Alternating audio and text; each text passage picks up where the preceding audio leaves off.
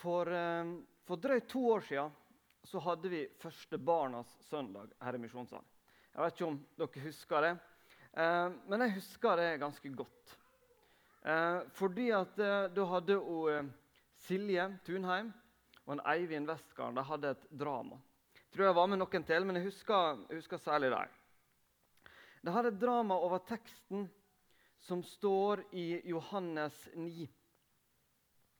Um, vi skal lese bare kjapt det som står der. Da Jesus kom gående, så han en mann som var født blind. Disiplene spurte da, 'Rabbi, hvem er det som har syndet?' Han selv eller hans foreldre, siden han ble født blind? Jesus svarte, 'Verken han eller hans foreldre har syndet.' Dette er ei eh, historie som jeg liker godt. Som jeg har funnet trøst i. Som jeg har lest mange ganger og jeg vært glad i. Men samtidig så er det noe som har liksom gått sånn og gnagd og tenkt på.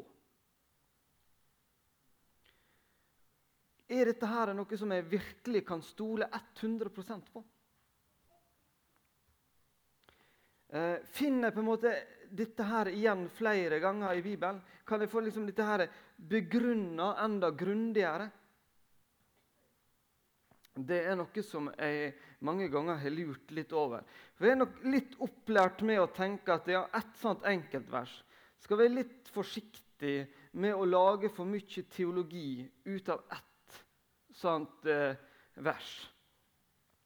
Så dette er liksom ikke helt sluppet taket den er liksom en, en litt sånn usikkerhet rundt Kan jeg virkelig stole 100% på det Jesus sa her?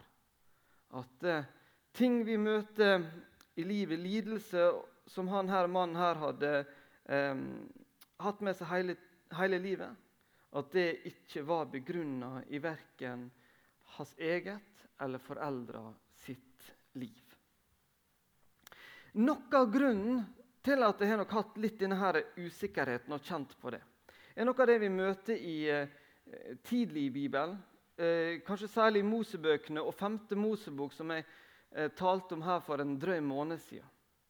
Fordi at Der møter vi veldig tydelig beskjed om at eh, hvis vi følger Guds bud, hvis vi lever etter det Han har gitt oss av bud og, og regler, så vil det medføre velsignelse i livet. Det er tydelig. Men også at hvis mennesket ikke holder seg til Guds bud, hører på det som Han har sagt, så vil det medføre vonde ting. Jeg kjenner faktisk at det er litt, det er litt sånn krevende å si det, men det står faktisk at det å ikke høre på Guds bud, det å ikke leve etter Han, det vil medføre forbannelse. Det står der. Og så på en måte har jeg lurt på ja, hvordan skal jeg klare å holde dette sammen med denne teksten i Johannes 9 om at det ikke var verken han sjøl eller foreldra som var skyld i at denne her mannen var blind. Har du tenkt på dette noen ganger? Har du opplevd å, være sjuk? Eller opplevd motgang i livet, lidelse i livet ditt? Og så stiller du spørsmålet hvorfor skjer dette? Hva er det som kan være grunnen til at jeg møter disse problemene? Jeg tror det er veldig nærliggende for oss mennesker å gjøre det. Begynn å kikke på eget liv. Jeg kjenner iallfall at slik er jeg. Opplever ting som jeg syns er vanskelig, så har jeg en tendens til å begynne å kikke tilbake i livet mitt, gjerne med lupe, prøve å finne ting som jeg har gjort, som jeg ikke burde ha gjort. Kanskje begynner du å tenke på oh, jeg bruker for lite tid med Bibelen, Guds ord. Det er sikkert derfor det at jeg opplever noe vanskelig nå. Det er sikkert fordi at Gud syns at jeg er for sløv med disse tingene. Eller kanskje du kjenner på at du stadig krangler med en nabo, en slektning, og vet at i disse kranglene så har det en tendens til å koke over for deg. Du både har en måte å uttrykke deg på, og, ja, både muntlig og, og, kroppslig, som du tenker dette her stemmer ikke overens med slik Bibelen vil at jeg skal leve. Så når ting er vanskelig, så tenker du at det henger sikkert sammen. Det er nok noe i mitt liv som er grunnen til at jeg nå har det, det vanskelig. Men Gud har faktisk gitt oss langt mer enn denne uttalelsen i Johannes 9. Han har faktisk begrunna her veldig tydelig. Og Det har jeg lyst til å bruke tid på i dag. Å vise hvor tydelig Gud er på at det ikke er synder i livet vårt som er grunn til at vi kan oppleve vanskeligheter og motgang. Og Det er nok ikke så veldig overraskende for dere at det er jobb jeg har tenkt til å eh, finne begrunnelse for akkurat dette. Vi skal lese litt grann, helt fra starten av jobb. Vi er i kapittel 1.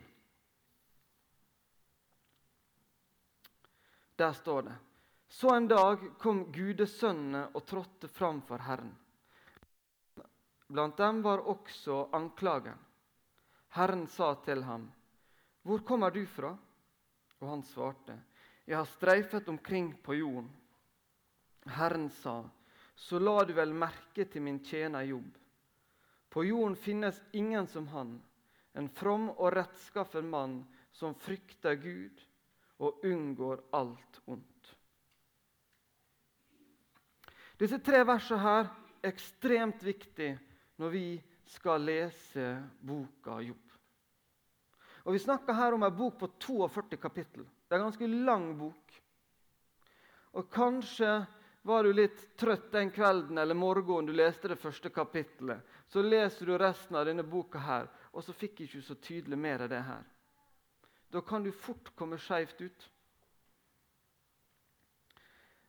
Det er, nei, det er veldig viktig å se her at Gud sier noe her om jobb som vi må ha med oss gjennom hele den boka. Gud erklærer jobb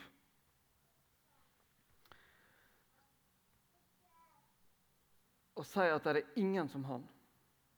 Han er en from og rettskaffen mann som frykter Gud og unngår alt ondt.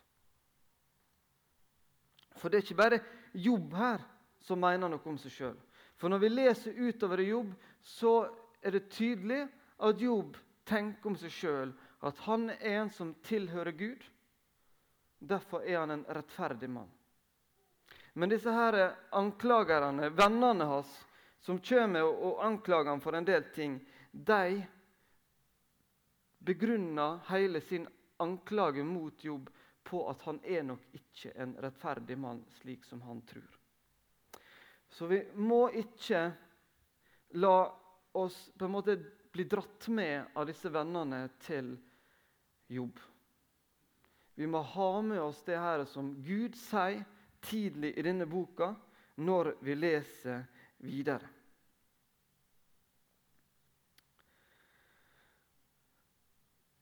Like etter disse versene her, så skjer det at denne rike, velstående mannen Jobb opplever å miste all rikdommen sin. Han mister sine barn, han mister sine svigerbarn, han mister sin kone. Han står ribba tilbake. Men ikke nok med det. Han blir sjuk. Han opplever å få byller på kroppen, han opplever stor smerte. Og mens han sitter der og har det vondt, så får han altså besøk av noen venner. Eh, vi skulle jo tenke at det var fint å få besøk av noen venner når du hadde det vondt, som kanskje kunne trøste deg litt og løfte deg litt opp. Men det er ikke det disse her vennene til Job gjør. Eh, vi skal se øyeblikk litt på det. Men de kommer der faktisk, og så sitter de, det står at de sitter der i sju dager og sju netter sammen med Jobb uten å si noe som helst, for de ser at han har så store smerter. Han har det så vondt. Og Så er det først Jobb som tar til orde og, og forteller dem noe om hvor stor smerte han har, og hvor vondt han har det. Og Så begynner disse her vennene å svare. Og mye av eh, Jobb handler om det. At det, det er Jobb som sier noe, og så kommer disse vennene én etter én. I tre runder så er det tre første vennene som, som på en måte tar eh, og kommer med en anklage til Jobb. Og Vi skal lese fra den første. Det er Elifas. Han er den første som åpner sin munn og taler til Jobb. Og så sier han.: Om noen vil tale til deg, orker du det? Men hvem kan vel la være? Selv har du rettledet mange og styrket kraftløse hender. Dine ord reis, reiste opp den som snublet. Du ga kraft til skjelvende knær. Men nå, når det rammer deg, blir du motløs. Det treffer deg, og du blir lamslått. Stoler du ikke på din gudsfrykt? Gir ikke din fromme livsvei håp? Tenk etter. Når gikk vel en skyldfri til grunne? Hvor ble rettskaffene utslettes? Jeg ser at de som pløyer ondskap og så lidelse, høster det samme. Når Gud puster, går de til grunne. Når Han fnyser, er de borte. Elifas kommer med noen litt sånn fine ord i starten. der. Sier at du har styrker andre, og du er vød til hjelp og oppmuntring. Men så går han ganske brutalt rett til verks på det vi sier her. Og dette her kan ligne mye på det vi stiller oss sjøl av spørsmål i vanskelige tider. Tenk etter. Når gikk vel en skyldfri til grunne? Hvor ble rettskaffene utslettet? utslettet? Han prøver egentlig å si at hvis at du hadde hatt alt i orden, jobb, så hadde ikke dette skjedd. Fordi at vi vet at de som er rettskafne, de som har ting i orden, de går det bra med. Men de som pløyer ondskap, de som så lidelse, de høster det samme.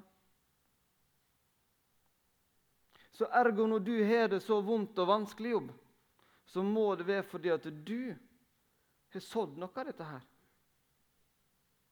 Du har måttet ha levd et liv som har gjort at du nå har kommet i vanskeligheter.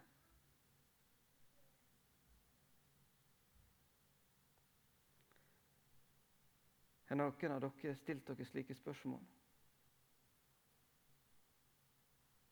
Eller kanskje gjort det til andre? Kanskje du har vært sammen med noen som har det vanskelig? Og skulle løfte deg opp. Men så har du liksom begynt å tenke at det må nå sikkert være en grunn til at slik er det. Og begynt å stille lignende spørsmål som Elifas gjør. Han griper tak i noe her som jeg tror er ganske så menneskelig.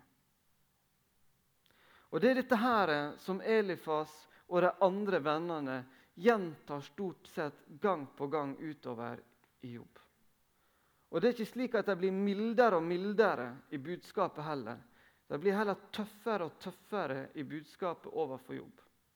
Virkelig er tydelig å si til han du kan ikke være en rettferdig mann jobb. Det må være noe i livet ditt som er galt, som gjør at du nå har kommet i denne situasjonen. Og etter kapittel 29 så kommer det en ny venn inn. Da kommer El, Elihu inn. Det står at han er yngre enn disse tre andre, så han tørte ikke å, å si noe han i starten. Men så kommer han med inn, Og så sier han akkurat det samme. Han faktisk anklager de tre andre vennene for at de ikke er enda tydeligere enn hva de har vært.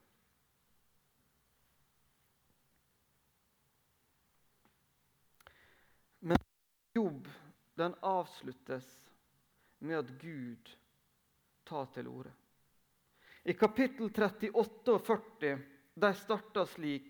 Da svarte Herren Jobb ut av stormen og sa Det er veldig viktig om du leser Jobb, og ikke blir lei etter 37 kapittel. Du må få med deg slutten.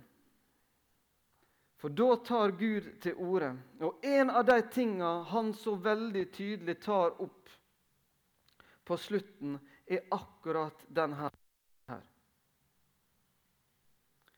Gud godtar ikke at disse vennene til Jobb trekker hans rettferdighet i tvil. Det står at Gud blir harm, han blir sint på disse her vennene. Det står faktisk at Jobb må be for disse vennene for at ikke Guds harme skal gå utover dem.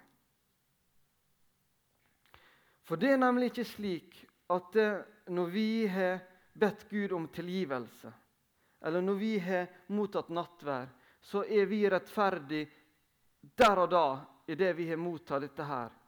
Men så fort at vi begynner å tenke en stygg tanke, så er det ute med oss igjen. Efeserbrevet viser oss dette her på en tydelig måte. Jeg har lyst til å lese litt derifra. I første kapittelet i Efeserbrevet, i vers 4, så står det I Kristus utvalgte Han oss før verdens grunnvoll ble lagt til å stå for Hans ansikt, hellige og uten feil. I Kristus kan vi stå framfor Guds ansikt, hellige og uten feil. Vi er reine, vi er rettferdige. Dette her er veldig viktig at vi kan få med oss, at vi kan forstå det at vi kan få det så innafor at vi stoler på det. At vi tar det med oss i livet, også når vi møter vanskelige ting. For det å være rettferdig, det å ha ting i orden med Gud, det er en tilstand. Når du har sagt at du vil tro på Jesus, når du har sagt at han skal få lov til å være herre i ditt liv, han skal få lov til å være din frelser. Da er du i Kristus. Hvis du hadde lest hele dette første kapittelet i Efeserbrevet, så har vi sett hvor mange ganger det står dette 'i Kristus'. Og Det var dette vi jobba mye med for et år siden når vi hadde om hva det vil si å ha en kristen identitet. Når du er tatt imot Jesus i ditt liv, så er du i Kristus. Og det er en tilstand du vil være i så lenge du ønsker å være et Guds barn. Og når du er et Guds barn, så er du hellig framfor Gud. På grunn av det Jesus gjorde, så kan vi få lov til å komme fram for Gud. Vi kan være sammen med Gud. Vi er rettferdige. Et par vers lenger nede så står det i ham har vi friheten, kjøpt med hans blod, tilgivelse for syndene. Denne friheten handler om å få lov til å kunne stole på det. At vi er hans barn. På gode dager, på vonde dager. Når ting går bra, og når ting er vanskelig.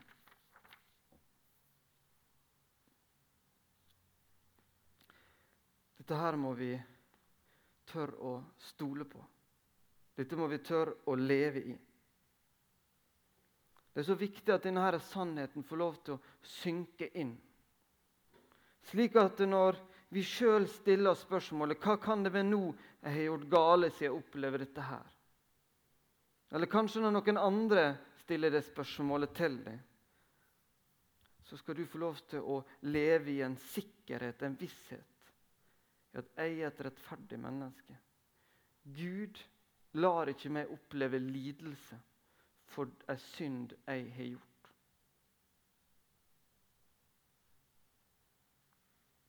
Det stemmer, det som står i Mosebøkene. At det er godt for mennesket å leve etter Guds bud. Det gjør det. Hvis vi lyver, så kan det få store konsekvenser. Det kan få konsekvenser for oss sjøl. Det kan få konsekvenser for neste generasjon. Utroskap kan skape mye problem i et menneske sitt liv. Både i eget liv og i andre sine liv. Vi unngår mange mellommenneskelige problem ved å leve etter Guds bud. Det skal vi få lov til å holde fast på, og det er Bibelen tydelig på. Men Gud straffer ikke oss mennesker med lidelse for synd som vi har begått i våre liv. Det skal vi få lov til å stole på. Samtidig så, så, må vi også si at som kristne så møter vi utfordringer, så møter vi problemer. Det er ikke slik at en kristen møter mindre lidelse enn hva andre. Det kan ikke vi si. Og Det vi også snakka om før her i vår, at disse lidelsene så vil Gud hjelpe oss gjennom dem. Men det er viktig at vi kan holde fast på at disse lidelsene er ikke noe som kommer pga. en synd som vi har gjort. Vi skal få lov til å stole på det som Gud forteller Jobb i Jobb. Vi skal få lov til å stole på det Jesus forteller i Johannes 9. Det hadde jeg lyst at skulle være det vi satt igjen med i dag. Jeg tror at det er så vanlig for oss å stille disse spørsmålene som disiplene stiller. Hvem er det som er grunnen til at denne mannen er blind? Er det foreldra, eller er det han sjøl? At jeg har lyst til å bruke hele denne talen i dag på å si at det var ikke han, og det var ikke foreldra. Når vi er et Guds barn, og vi vil tilhøre Gud, så skal vi få lov til å stole på at da er vi rettferdige for Gud. Det er en tilstand vi lever i. Og Gud straffer ikke oss med lidelse pga. syndene våre. Så jeg har gjerne lyst til å oppfordre dere til å lese Jobb, både for å se mer av dette og se mer av det andre som denne boka kan fortelle oss. Det er en spennende bok. Kjære himmelske Far, tusen takk for dagen i dag. Og takk for at du skal få lov til å, å lære oss dette i dag. Jeg ber om at Din Hellige Ånd må hjelpe oss til å forstå dette budskapet fra Jobbs bok. At vi kan helt og fullt stole på at vi skal få lov til å vite at vi er rettferdige når vi er tatt imot deg. At vi skal slippe disse spørsmåla og anklage oss sjøl og anklage andre for hva er det i livet som gjør at det nå har det vanskelig. Kjære himmelske Far, jeg ber deg om at dette her synker inn hos oss, og at vi kan stole på det.